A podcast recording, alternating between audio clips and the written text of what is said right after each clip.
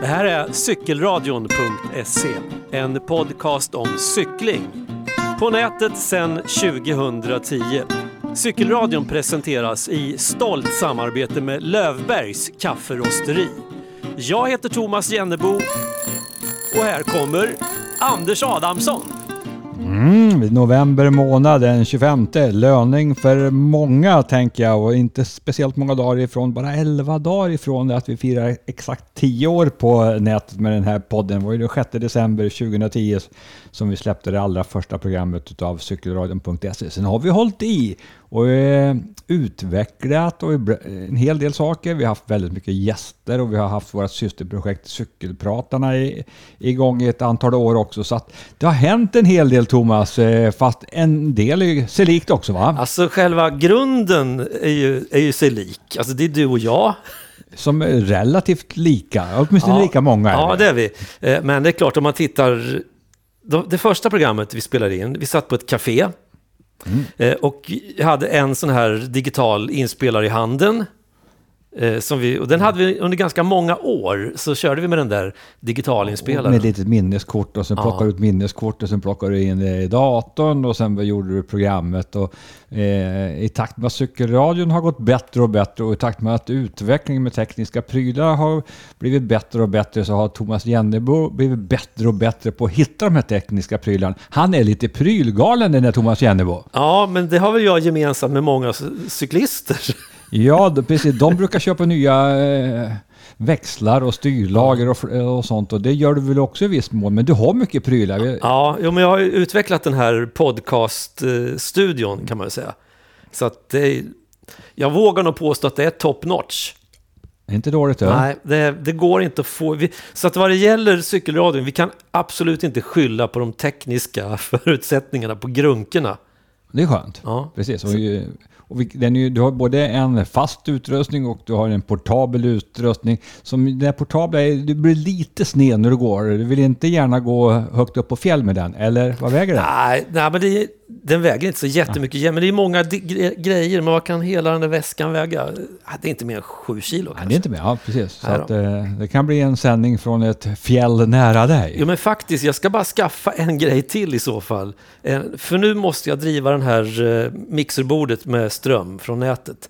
Men det har precis i veckan här kommit ut en liten adapter så man kan driva med ett, ett schysst, eh, en schysst powerbank. Ja, härligt. Och då är man ju helt fri. Då kan man ju vara precis överallt. Och bara sända och sända. Ja. Det var härligt. Du, det här programmet som... Vi har inga gäster. Jo, vi har någon gäst faktiskt med en telefonintervju som eh, Thomas gjorde här igår tror jag. Så eh, nära och så färskt är den intervjun. Men vi har ingen Mattias Räck. Han är ju upptagen nu med, med de här stakåkarna, skidåkarna. Och han firade ju framgångar direkt här uppe i Bruksvallarna med Max Novak. Det är en av adepterna som eh, Mattias Räck har tagit sig an sedan, sedan något år tillbaka. Hur det går för hans nya adept, den här Halvarsson. Han har väl eh, Ja, han har väl tillfrisknat sen i fjol hoppas jag. Men eh, han har, jag har inte sett att han har tävlat någon gång. Jättespännande och kul för Mattias att eh, hans tankar och idéer verkar hålla även eh, vintertid i längdspåren. Så han har vi inte med idag. Vi har heller ingen Emilia Fahlin med. Det är ju lite off-season, det är inte så lite heller. Det är helt off-season när det gäller cykel. Men vi ska naturligtvis snacka lite grann om den professionella säsongsavslutningen och sen lite grann runt omkring det har jag. Och sen har vi våra egna spaningar och framförallt har vi 30 mil i november. Mm, man, det är, alltså man brukar säga tredje gången gilt. Och det ligger någonting i det där uttrycket. För att det här är tredje året som vi kör det här 30 mil i november-utmaningen. Och det känns som att den har breakat lite grann i sociala medier. Det är, det är många fler än du och jag som håller på med det. Det är det och eh, vi ska spela lite musik alldeles strax. Sen ska vi återkomma till hur du och jag ligger till nu. Det är ju 25 november som sagt var när vi spelar in det här. Du kanske lyssnar eh, på julafton eller någon annan dag, vad vet jag. Men du kommer få helt eh, färsk uppdatering. Jag ska bara lägga in de här kilometerna som jag kört idag på morgonen Thomas. Ja, just det. Eh, ja, men vi kan prata mer om det där sen, för att det, det finns så mycket att prata just runt det där. Om de där 30 milen och sättet man bokförde på och hur man genomförde. Och sen ska vi prata om alla dina apparater. Ja, det kan vi göra. Prylar. Ja, ja, Några prylar ska vi prata om i alla fall. det tycker jag. Du har, du har saker som är kanske lite mer spännande än ett mixerbord. Jag återkommer till det. Ja. Ja, visst. Eh, musik brukar du fråga om. Ja. Har, har du något tema? Har du något tema idag Ja. också? Jag hade ju ett önskemål. Fick jag, hann du få med den idag? Nej, det har jag glömt bort. Då har du glömt bort det. Ja, aj då. Det- Aj då, jag har ändå haft några veckor på mig att fundera. Ja, för många veckor tror Men, jag. vi kan, Men lite, den kommer till nästa vecka. Ja, det, nästa, nästa avsnitt, då blir det ett önskeprogram Med musik. med musik. Det är bra. Ja, men jag tänkte så här, vi kör, är, om man kollar på trenden inom populärmusik just nu runt om i världen så är det att det handlar väldigt mycket om en, eh, ja, om pandemin helt enkelt. Alltså det är så många låtskrivare som på olika sätt påverkas såklart av, av det här. Så att det sprutar ju fullkomligt ut eh, nästan lika många låtar om det här som, som diagnoser, där på att säga. Så att här kommer en i raden av de där covid-låtarna. Jag tror ingen som lyssnar på cykelradion har hört den här förut.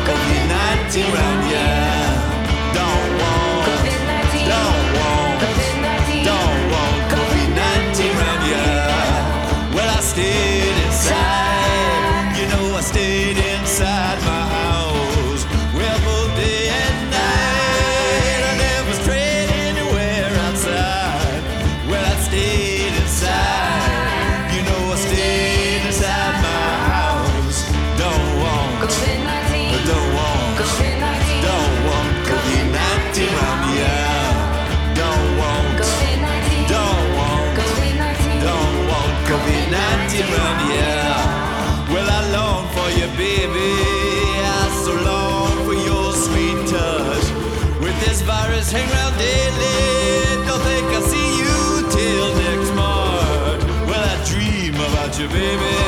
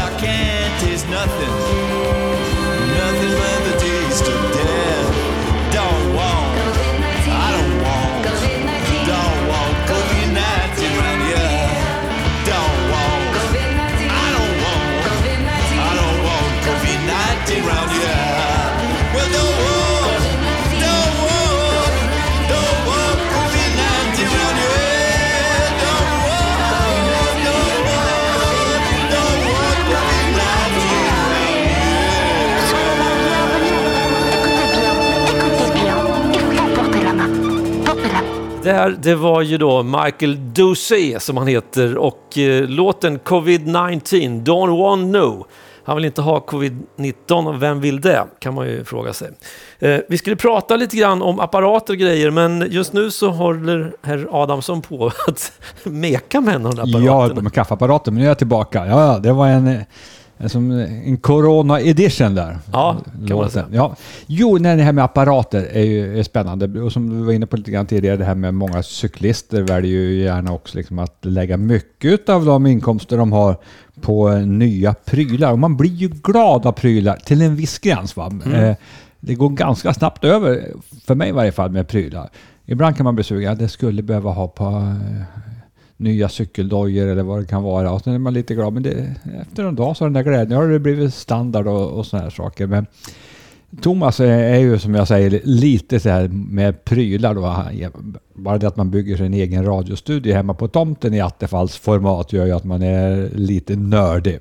Och när man börjar utrusta det med mer och mer grejer, det är förutom top notch vad det gäller så här apparater, inte minst det här mixerbordet, det här bärbara mixerbordet, så har du ju också ett fast mixerbord och, och så vidare.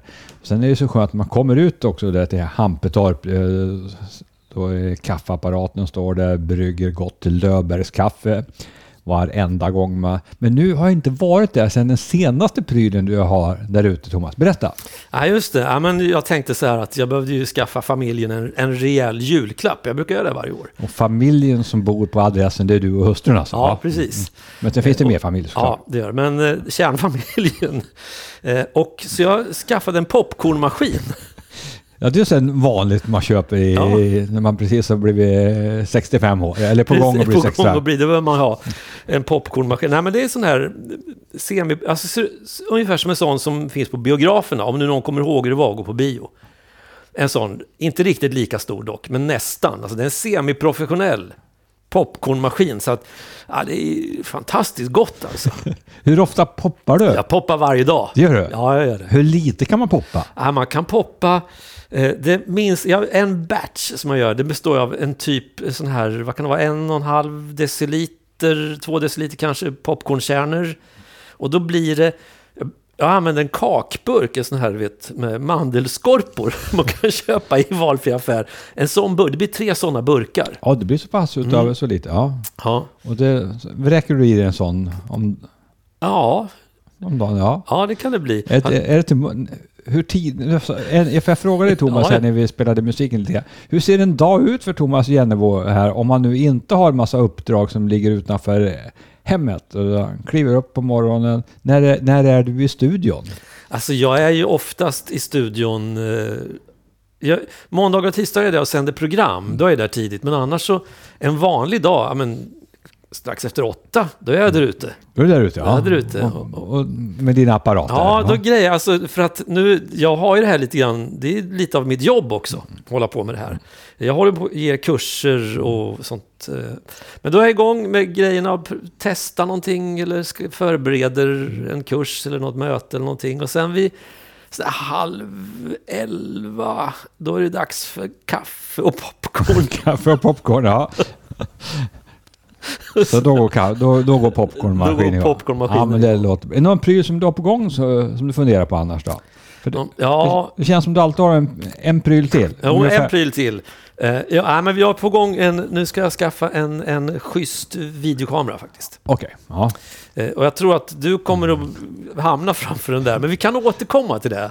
Vi släpper det som en liten teaser Mm, bara ja, så länge. ja, men det- det, det finns risk att du hamnar framför den där Det kameran. gör det. Du, 30 mil i november för tredje året. Alltså Novemberdisets vänner är vi ju medlemmar i, du och jag. Vi är väl en 10-12 stycken som är med i Novemberdisets vänner. Det var ju en varm eh, månad, november. en- Verkligen Mm. en cykelmånad. Och eh, jag hade nästan glömt bort att vi skulle köra 30 mil i november. Och jag glömde ju bort det den allra första dagen, så jag fick ju lite panik där. Men hur det än så, man får ju räkna alla mil, alla kilometer ska vi säga, som man kör utomhus. Inomhus vet jag några som frågar, får man räkna med det? Nej, det Icke. får man inte göra. Utan de ska vara utomhus. Men det behöver inte vara på en racercykel och det behöver ju inte vara med cykelskor. Det behöver inte vara med hjälm. Eller, men det är cykel utomhus i varje fall. Det är det som är det som vi har som enda kriterium för att eh, räkna på. Och du har inte gått i mål på de här andra gångerna va? Första året gick jag i mål. Jo, första året gick Ja, ja, för- förlåt. Då fick jag ju cykla som en iller sista dagen Ja, fram och tillbaka. va? Ja. Men nej, men förra året, jag började ju knappt. För det var jo, över. du började lite men du kroknade Ja, snabbt. jag- det gick ju. Det var, ja, för, vi, vi räknar inte. Jag, förra året, det är borta. Ja, en får man räkna bort. Okej, Ja. ja. Men i år så känns det som att jag håller mig till min plan. Så att jag har till dags dato, vad har vi idag? 26, 25 Idag är den 25 när vi spelar in det här. ja, Eh, Då har jag 21 mil. och 550 meter ser jag på vårt gemen... Vi delar Ja. ju ett dokument där va? Ja. Och eh, så du ligger lite snett alltså. Du Lite måste, snett. Men har du, för, du har en plan för det här? Ja, jag har en plan. Och eh, jag hade egentligen bokat in igår. Men det var ju ursligt väder och eftersom jag ändå tycker jag ligger bra till så, eh, så tog jag en vilodag igår. Ja, och idag blir det inte så många kilometer heller. Nej, det gör det inte. Men imorgon så, så blir det... Eh, om nu den här väderprognosen stämmer som de snackar, då tror jag att jag tar fram fincykeln imorgon. och Och, vad- då kommer jag nog klämma fem mil. Ja, då kollar vi fem mil. Lägga det i det här arket. Mm. Då skulle du den 26 vara uppe i exakt 260 kilometer och 550 meter. Mm. Så då är det lite, då är det 55, eh, 550 meter plus då. Ja. ja det finns, men du måste köra en lång till sen. Ja, jag måste köra en lång tid. Ja, ja du, och du har ju helgen på det också. Ja, oh ja. Nej, men så Fast- det, Det är ingen skillnad om det är helg eller vardag. Nej. Om, just nu då, du kanske inte har... nej, men jag disponerar ju som, som läget är Ja. nu. Till skillnad från förra året i november, då var jag också borta och jobbade jättemycket. Men jag disponerar dagarna ganska efter eget eh, välbefinnande eller gottfinnande. Så att, eh, det är helt lugnt. Ja, jag ligger ju lite bättre till än dig just nu. Va? Men å andra sidan har jag ett jobb som jag måste åka till varje morgon eh, runt åtta tiden. Men det är ju, och den är, ligger 1400 meter ifrån min bostad. Så då har jag passat på att åka hem på lunchen då. Så att eh, så 5,6 kilometer får jag liksom bara genom att åka fram och tillbaka till jobbet. Och om jag inte hade möten på annat ställe så får jag åtminstone den där halvmilen. Men det räcker ju inte riktigt. Så jag måste ju också ge mig ut på lite längre turer. Så eh, jag ligger ju alltså då på 247 kilometer så att det goda förhoppningar på att gå i mål faktiskt den här gången. Eh, vilket jag inte gjorde första året. Då missade jag med några Ja, kilometer, kommer du ihåg det? Det var inte Ja. många. Men det var nästan att jag hade, eh, skulle sticka ut den 30 klockan 10 på kvällen. Då hade jag hunnit men där sviktade jag undan lite grann. Däremot så gick jag i mål i fjol vill jag minnas. Ja, Fast det som är lite fascinerande med det Excel-arket som, som vi jobbar mot, det, det känns ju som den här eh, sagan om haren och sköldpaddan när man tittar på det arket.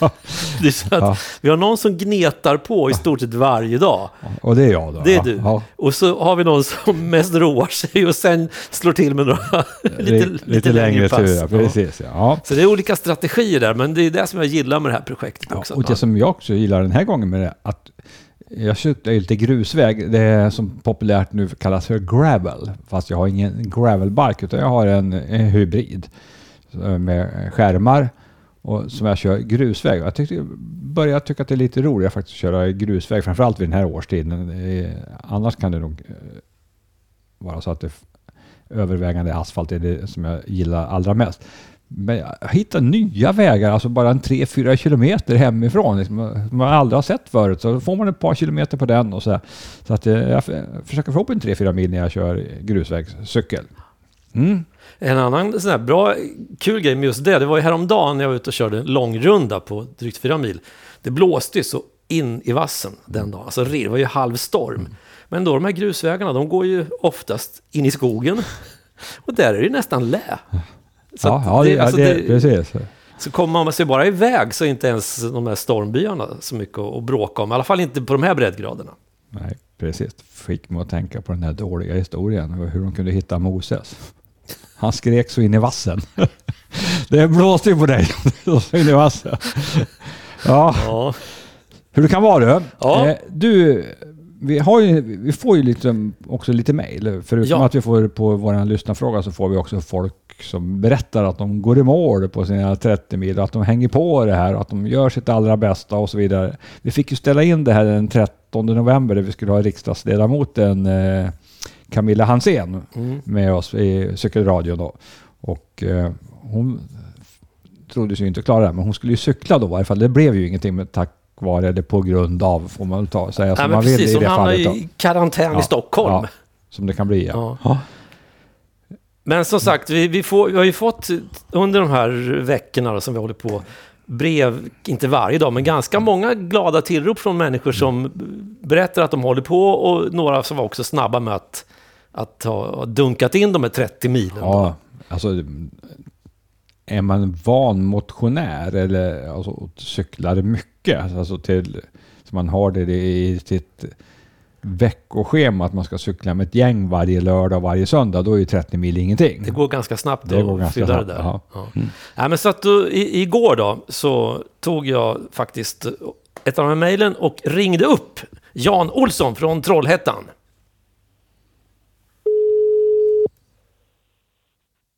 Ja, det var Jan. Hallå Jan, Thomas Jennebo här från Cykelradion. Hallå, hallå. Ja, du har precis meddelat att du har gått i mål med 30 mil i novemberutmaningen. Hur känns det? Jo, men det känns jättebra. Eh, igår kväll passerade den magiska gränsen. Vad hade du för, för strategi för att klara de här 30 milen då? Eh, gå ut hårt och öka. Jag har ju en vecka kvar där nu så jag får sikta på 40 mil kanske. Det blir bonus. Det blir bonus, ja absolut. Ja. Men hur har dina cykeldagar sett ut nu då under november? Eh, det har varit en del körning på grusvägar med lampa på kvällar då och sen har vi kört lite på helger eh, i dagsljus. Jag cyklar både med en gravelbike och en mountainbike så att det är en blandning där. Längsta jag har kört är nog ungefär fem mil. Har en liten runda runt en sjö här i Trollhättan som jag kör. Den är ungefär fem mil. Hur har novembervädret varit då för cykling i Trollhättan? Ja, men jag har försökt passa på när det har varit, inte regnat allt för mycket. Jag hade en riktig grisrunda och det var faktiskt den här femmilaturen förra veckan, en kväll då, med lampa. Eh, Blåst regn, så det var mycket pannben. Ja. Men du, om, om den här 30 mil i novemberutmaningen inte hade funnits, eh, hur mycket hade du cyklat då under november? Eh, inte alls så mycket tror jag, kanske halva distansen möjligen. Okej, så lite inspiration har det faktiskt varit det här då? Det var faktiskt lite inspiration, ja absolut. Ja, roligt. Lyckades du få med några fler i det här? Eh, jajamän, jag har eh, kört med några stycken här. Jag tror inte de eh, kanske upp i 30 än. Jag är lite osäker där men eh, jag har försökt få med dem. Vi är ett kompisgäng som cyklar ihop så att eh, jag har gjort mitt bästa. Ja, det låter bra det. Eh, annars då, Trollhättan, hur är Trollhättan som cykelstad? Eh, Det finns mycket fin mountainbikecykling här runt omkring, eh, gör det. Eh, vet, det finns väl egentligen ingen riktig cykelklubb i den här stan utan det är nog grannkommunen Vänersborg som har cykelklubben. Eh, personligen så är jag inte med i någon förening alls och cyklar så utan vi, vi är ett kompisgäng som kör. Hur, hur kommer det sig att du håller på med, med cykel? Eh, jag började i vuxen ålder. När jag var drygt 40 köpte jag min första mountainbike. Eh, ett sätt att komma ut och röra på sig helt enkelt. Eh, löpning passade inte mig. Fick ont i ben och fötter och allting. Utan cykel fann jag funkar perfekt. Så sen har jag hållit på. Det är snart 16 år sedan tror jag. Nu, nu är du gäst här då i cykelradion, så här pratar du för redan frälsta kan man ju misstänka. Men om du ändå skulle berätta för den som inte riktigt har förstått tjusningen med, med cykel och cykling som, som motion. Vad är det som är grejen tycker du? Nej, men för mig så är det liksom att, när jag kör mountainbike komma ut i skog och natur och få frisk luft. Och samtidigt motion då. Det är perfekt. Sen är det mycket teknik och prylar också om man är intresserad av det. Det gör ingenting. Hur tänker du nu det här under, under vintern då? Själva de här 30 mil i november har du klarat av med råge, kommer att visa sig förmodligen när vi går in i december. Men kommer du fortsätta cykla nu då? Jag försöker hålla igång eh, hela året med cykel när det går. Jag har dubbdäck så jag kan lägga på mountainbiken och köra. Så att det, det funkar även när det blir lite isigt och kallt.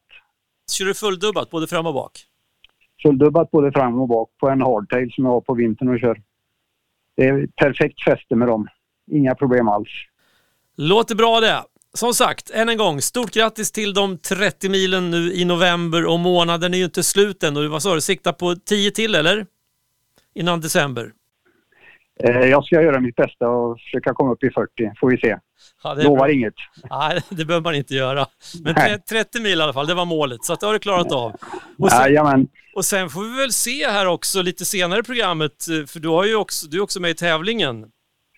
Precis, det var därför jag skickade in. Precis, och då högg jag dig för att du hade talat om att du precis hade landat dina 30 mil. Jajamän. Ja, så att eh, vi håller väl tummarna att tombolan stannar på rätt, på rätt nuffra sen då, helt enkelt. Jag håller båda tummarna. Ja, det är bra det. Jan Olsson alltså från Trollhättan. Ha en fortsatt bra eh, cykelvinter får vi säga. Tack så mycket.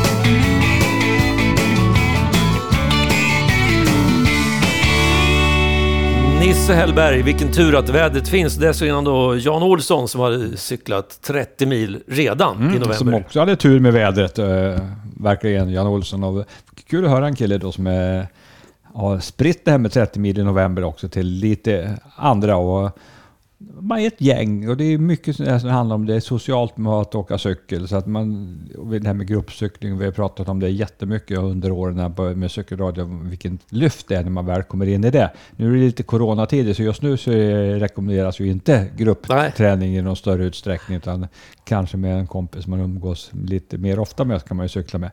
Jag däremot har cyklat ju nästan, tyvärr alltså väldigt lite med andra. Det har inte passat i mitt liv, men jag hoppas ju nu här att jag från och med första januari här, nu har jag sagt att för är det fjärde eller femte gången jag slutar jobba. Ja, med, med, med lönearbete. Men den här gången tror jag nog att det rent lönearbete slutar i varje fall. Däremot så kommer jag ju fortsätta jobba med, med cykelradion såklart. Jag kommer också att jobba med Eurosport hoppas jag i den utsträckning som jag gjort tidigare år. I år blev det lite mindre eh, på grund av just den här pandemin. Men till 2021 ska jag vara tillbaka i full utsträckning där också. Så jag kommer att ha att göra, var inte orolig för det. Och på tal om Eurosport, det här, då handlar det om professionell cykelåkning och att de professionella cyklisterna fick ju en komprimerad stenhård höst och de hade också tur med vädret ska vi säga, för det var ju många som var skeptiska, inte minst jag då, hur ska vädret bli i Italien i oktober månad och hur kommer det bli i Spanien nu när vi ska tävla ända fram till 8 november? summa summarum så hade de röta med vädret. Det är klart, några skitdagar blev det, men det blev ju inga dagar med snöfall och inställda liksom bergs... Eh, målgångar i någon större utsträckning. Så att det, det, det, de var, det var lyckosamt verkligen. Och, eh, året kan man väl summera att det blev ett slovenskt genombrott. Så det var helt det duga etta, tvåa på världsrankingen när vi summerar säsongen 2020. Alltså två Slo slovener, Primoz Roglic och dessutom Tadej Pogacar då, skrällvinnare mer eller mindre på självaste Tour de France där han vände på allting på den sista, eh, näst sista etappen, och tempoloppet där. Så att, eh, men Roglic tog revansch och vann ju också sen Spanien runt med målgång just den 8, 8 november. Så det var spännande. Och sen hände, alltså det, det som började liksom med cykelsäsongen var ju Polen runt kan vi säga. Det fanns ju Strade Bianchi och några andra tävlingar som gick inledningsvis. Men sen var det ju Polen runt och som var den första stora etapploppet med många stora stjärnor. Och den kommer att överskuggas av den här trängningen av Dylan Schronevägen. Eh, Jumbo-Visma-cyklisten som eh, trängde landsmannen Fabio Jakobsens eh, eh, så pass illa så att han vurpade. Det händer i många spurter kan vi säga. Men det som var så olyckligt den här gången det var in i kravallstaketen som for all världens väg och Fabio Jakobsen tog emot sig själv med ansiktet. Så han är ju sönder och samman och han låg i koma och man befarade också för Jakobsens liv eh, när det var som allra mest kritiskt. Men eh, han har börjat att återhämtas och just igår så såg jag den första bilden på Fabio Jakobsen efter den här vådliga vurpan var han ute och cykla i varje fall. Så han är på väg tillbaka lite grann. Huruvida han kommer tillbaka på allra högsta nivå, det vill säga att han ska kunna vara en cyklist som törs blanda sig i de här stora spurterna igen. Det låter vi vara osagt, men det är ändå skönt att se att han är någorlunda återställd. Det återstår fortfarande ett antal operationer innan man liksom, han är färdigbehandlad utifrån den här vurpan. Då. Det är ju eh, stängde man ju av internt i laget i, ut, i väntan på någon form av utredning. Eh, så småningom här på höstkanten så kom ju också straffet för Dylan Chironevägen och då kan man väl säga att trängningen i sig, den har vi sett tidigare. Men det är följderna av den som gör också då att straffet blir så mycket hårdare. Så nio månaders avstängning från cykelåkning för Dylan Chironevägen. Så att han, och då räknar man från det att han gjorde den här förseelsen i augusti månad. Så 5 maj är han, får han vara tillbaka på banan igen. Men det vet vi inte heller hur, det, hur kommer han att komma tillbaka. Liksom, spurtare är ju ett släkte för sig. Då är axel mot axel, det är tuffa tag och törs han köra så som han brukar göra med risk för att det återigen ska bli en sån här trängningssituation? Ja, vi får se. Det var ju lite snack då precis efter den där eh, händelsen om att man skulle se över de här kravallstaketens utformning också. Att eh, hade de varit sett ut på ett annat sätt så kanske inte den här kraschen hade fått de här följderna. Så Vet du det. någonting om det? Ja, det ligger ju då på det internationella cykelförbundets bord liksom att, eh, att stipulera vad exakt hur det ska se ut för målområdena på de här större tävlingarna. Och eh, det, är en sak eh, naturligtvis, men man ska veta att det finns en mängder av mindre tävlingar och på nationell nivå och eh, de spurtar också snabbt och även om de inte är professionella cyklister så kommer de upp i samma hastigheter så det kommer att se väldigt olika ut. Men just på den här professionella nivån, där tror jag att det är den typen av kravallstaket som man använder i Polen runt just i det partiet där eh, precis vid mållinjen. Det kommer man inte ha fortsättningsvis utan där kommer man säkra upp. Sen eh, jobbar ju det internationella förbundet eh, ganska mycket med säkerhetsfrågor faktiskt. Eh, trots det så får de också får de väldigt mycket kritik för att de håller på och mäter strumpor och så vidare. Ungefär som att okej, ska vi jobba med säkerhet eller ska vi mäta med strumpor? Det funkar ju liksom inte riktigt så. De jobbar på många olika fronter. Eh, och försöker naturligtvis eh, först och främst se till att det blir sportsliga tävlingar och att det blir bra arrangemang och att man jobbar med säkerhet och alla de här sakerna. Så här är, på hösttider så kan man ju roa sig med många olika saker. Jag brukar roa mig med att titta på gamla YouTube-klipp från eh, Milano, Sanremo, Flandern runt och sådär. Och då räcker det att eh, jag är gamla, det blir då 70-tal, 80-tal. Och hur det såg ut då mot hur det ser ut nu med motorcyklar och servicebilar. Och, Eh, det har ju hänt jättemycket med respekten. Där var det ju motorcyklar som var ju som bisvärmar runt eh, Francesco Moser mot slutet av Milano Sanremo när han vann det eh, på 80-talet där. Så att det har blivit mycket som har blivit bättre, det ska man ha klart för sig. Men lika fullt så händer det olyckor. Det kommer alltid att göra i cykel. Så att, eh, ja, spännande var det. Men du, om man ska titta på säsongen där, eftersom det här året inte har varit likt något annat, när det blir så otroligt kompakt eh, för, för proffsen. Har man redan nu kommit fram, alltså utvärderat, hur blev det här sportsligt egentligen? Funkar det att göra så här eller? Ja, någon gång gör det ju det, men vi har ju också byggt, alltså, cykelsporten bygger ju mycket på traditioner och på historia, att det ska återupprepas, alltså vi ska komma till de där höga bergen och där ska vi ha de här tuffa slagen och där ska man bli så där jättetrött. Och en, en och annan stor stjärna ska ju också kunna dubblera. Kan man vinna både girot och touren på en och samma säsong? Det är ganska få som har lyckats med det, men, men när det är typ var 20 år någon som lyckas så blir det ju en sån jätteboost för sporten som sådan. Det var ju helt omöjligt att göra med den här komprimerade säsongen, så att det var ju inte aktuellt. Men man vill nog ha det om man är en sån här duktig, duktig liksom etapploppscyklist över tre veckor som Chris Froome har varit och som eh, nu Primoz Roglic eh, är på gång att bli och Tadej Pogacar är ju ung och Egan Bernal är ju en, ännu yngre höll jag på att säga, när han är, till men han är också i samma ålder då som Pogacar. De vill ju kunna försöka dubblera någon gång för att bli de här liksom, odödliga i historieböckerna. Eh, så att utifrån det perspektivet så tror jag att eh, man vill att absolut så snart som möjligt tillbaka till ordinarie tävlingsprogram. Det är man ju mest bekväm med. Så att även om vi vanliga människor har kanske ändrat en del Ja. beteenden under den här pandemin, beteenden som vi kommer att fortsätta med framöver, för att det, ja, det, det är inte så dumt att ha möten på distans, så kommer kanske cykelsporten ändå att försöka återgå till det gamla så mycket som möjligt. Ja, alltså, det tror jag, men det, När det gäller tävlingsprogrammet. det kan man säga. Men vi ser ju också nu, internationella cykelförbundet har ju också öppnat med e-bike, alltså när man kör på Swift eller på någon annan sån här plattform där man kan sitta var som helst och tävla mot varandra.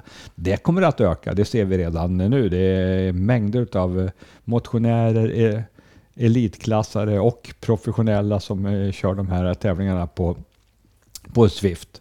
Så att eh, det är jag säker på att det kommer att ta större plats och det i sig också blir ju en marknad i det. Så att eh, kanske snor de lite grann från landsvägscykel. Och inte minst kanske yngre cyklister på sikt tänker jag med tanke på att det är ju trafikfarligt att vara eller man vistas i trafiken och trafiken är farlig skulle jag säga. Så att eh, en bra skola in, för det är en väldigt bra träning i varje fall. Mm. Ja, eh, men om du ska sammanfatta cykelåret då, 2020. Ja, då sammanfattar jag det liksom med, med två extremt vådliga vurpor. Den ena var ju det med Fabio Jakobsen. Den andra var ju när eh, The New One, alltså eh, Remco Evenepoel vurpade på Lombardiet runt också på ett väldigt dråpligt sätt som slog ut honom för resten av säsongen. Trots det hade han ju, har han ju, tittar man på hans resultat under den här pandemisäsongen så är det enastående så mycket vinster och fina prestationer trots att den slutade redan i augusti månad. Remco Evenepoel är ju också, han är också, eh, såg jag bilder på igår, nu är han på gång ut. Han är fem kilo lättare dessutom nu och han vägde ju knappt fem kilo höll jag på att säga tidigare. Han är ju tunn redan igen. Han är av med babyhullet som man säger, född 2000 Remco Evenepoel. Det ser jag fram emot. De vurporna har sett sätter sig ganska starkt i, i, i minnet. Lägg där till att jag också sätter det här med att slovenerna slår igenom på dunder och brak. Och jag hade på känn lite grann att den engelska eran skulle börja ta slut här med Geraint Thomas, eh, Bradley Wiggins för något år sedan. Chris Froome på tillbakagång. Lämnar också nu efter tio år Team Sky eller Ineos som vad heter senaste år och går till Israel Startup Nation till nästa år. Tror väl att han är kanske passerad. Och vips så kommer Theo Gegenhardt och vinner Giro d'Italia. En London-kille, alltså Häckny kommer han ifrån.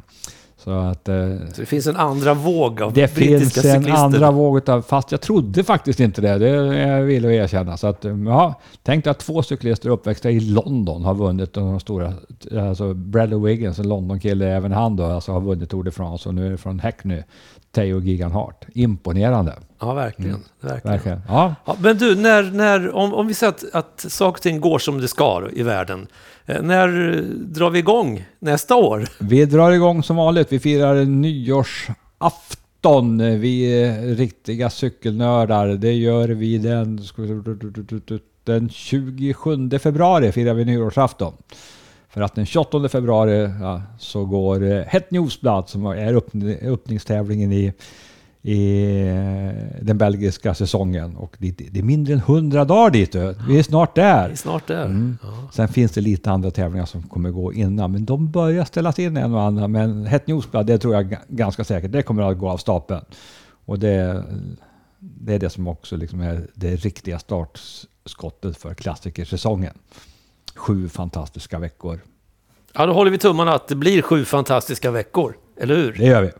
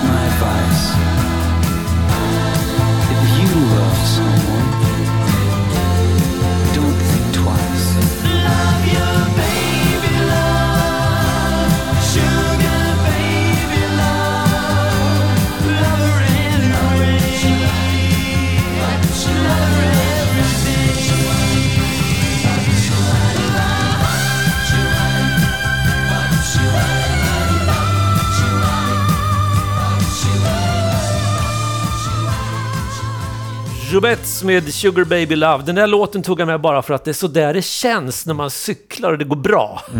Som den här låten låter. Härligt! eh, Du har ju det kvar. Det cyklande 30 mil i november är ju den stora eh, grejen för oss i cykelradion här under den här bistra månaden som ändå har bjudit på ganska bra väder och varmt väder.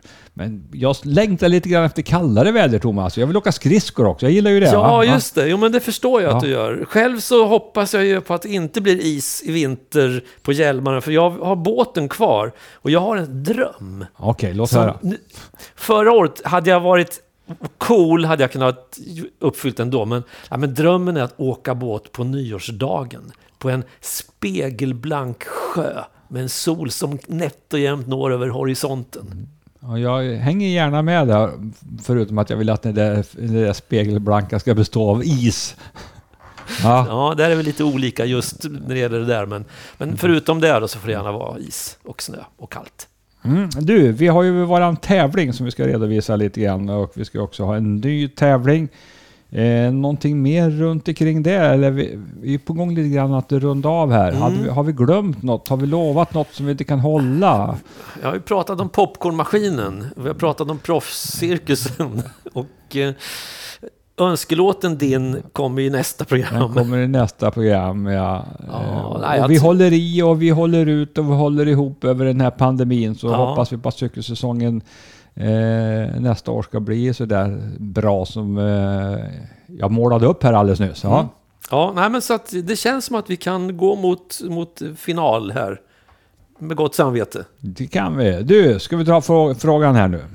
Kommer du ihåg vad frågan var? Jag kommer ihåg svaret. men Jag kommer inte ihåg frågan. Jeopardy. Jeopardy. ja. Jag säger svaret. Det var- du ta frågan. Det var ju just det jag försökte undvika, för jag kommer knappt ihåg frågan jag heller. Jo, men det var ju så här lite grann att det fanns en koppling mellan, mellan Thomas Jennebo och en av de här eh, av Löbers produkter. Det vill säga, rätt svar skulle på frågan skulle vara, vi sökte ett land i Afrika och landet var Rwanda. Och i Rwanda har du volontärjobbat en hel del, eh, ett par omgångar och eh, dessutom så har ju Löbers ett, eh, en kaffesort som heter just Rwanda Next Generation som man har lanserat det här under senaste året. Ganska framgångsrikt hoppas jag för att eh, det är ett gott kaffe. Det verkar vara ett häftigt land som du har berättat. Det är också ett land som eh, har- en eh, stark eh, cykelnation eh, på den afrikanska kontinenten. Inte kanske den allra bästa, men kanske den allra största på väg in. De har också sitt Tour Rwanda som eh, lockar hundratusentals åskådare på hemmaplan. Det är också europeiska inslag med där och kör. Och många pratar om när ska vi få det första eh, världsmästerskapet till Afrika. Då är, står Rwanda lite beredda faktiskt att kunna ta emot eh, cykelvärlden. Det vore häftigt va? Det vore otroligt Ja. Och det är nog inte så eh, helt omöjligt. Alltså, Sydafrika ligger ju såklart bra till. De har eget professionellt eh, stall. Eh, Quebeca kommer de att heta för övrigt nästa år igen då. De heter NTT. De är NTT, det japanska asfaltbolaget kallar jag dem för, men de gör lite mer än asfalt. De har ju dragit sig ur nu, så Quebeca går in igen då som den stora sponsorn där nere i Sydafrika. De har säkert stora möjligheter, men Rwanda, ja, hoppas att vi får vara med om det under vår livstid, Thomas. Ja. Ja, verkligen. Och då, då oj, ska vi se. Då vore, nu ringde de från Rwanda. Att det blir bergsetapper varje dag. Ja, det blir ja. Det finns ju inte... I Kigali tror jag det finns två kvarter med, med alltså 150 meter planväg. Annars Så, är ja, det... Annars är det upp och ner i Tour Rwanda, så det går säkert att göra en fin VM-bana där. Du, vi hade ju, så svaret var Rwanda. Dra tombolan får vi se var vi hamnar.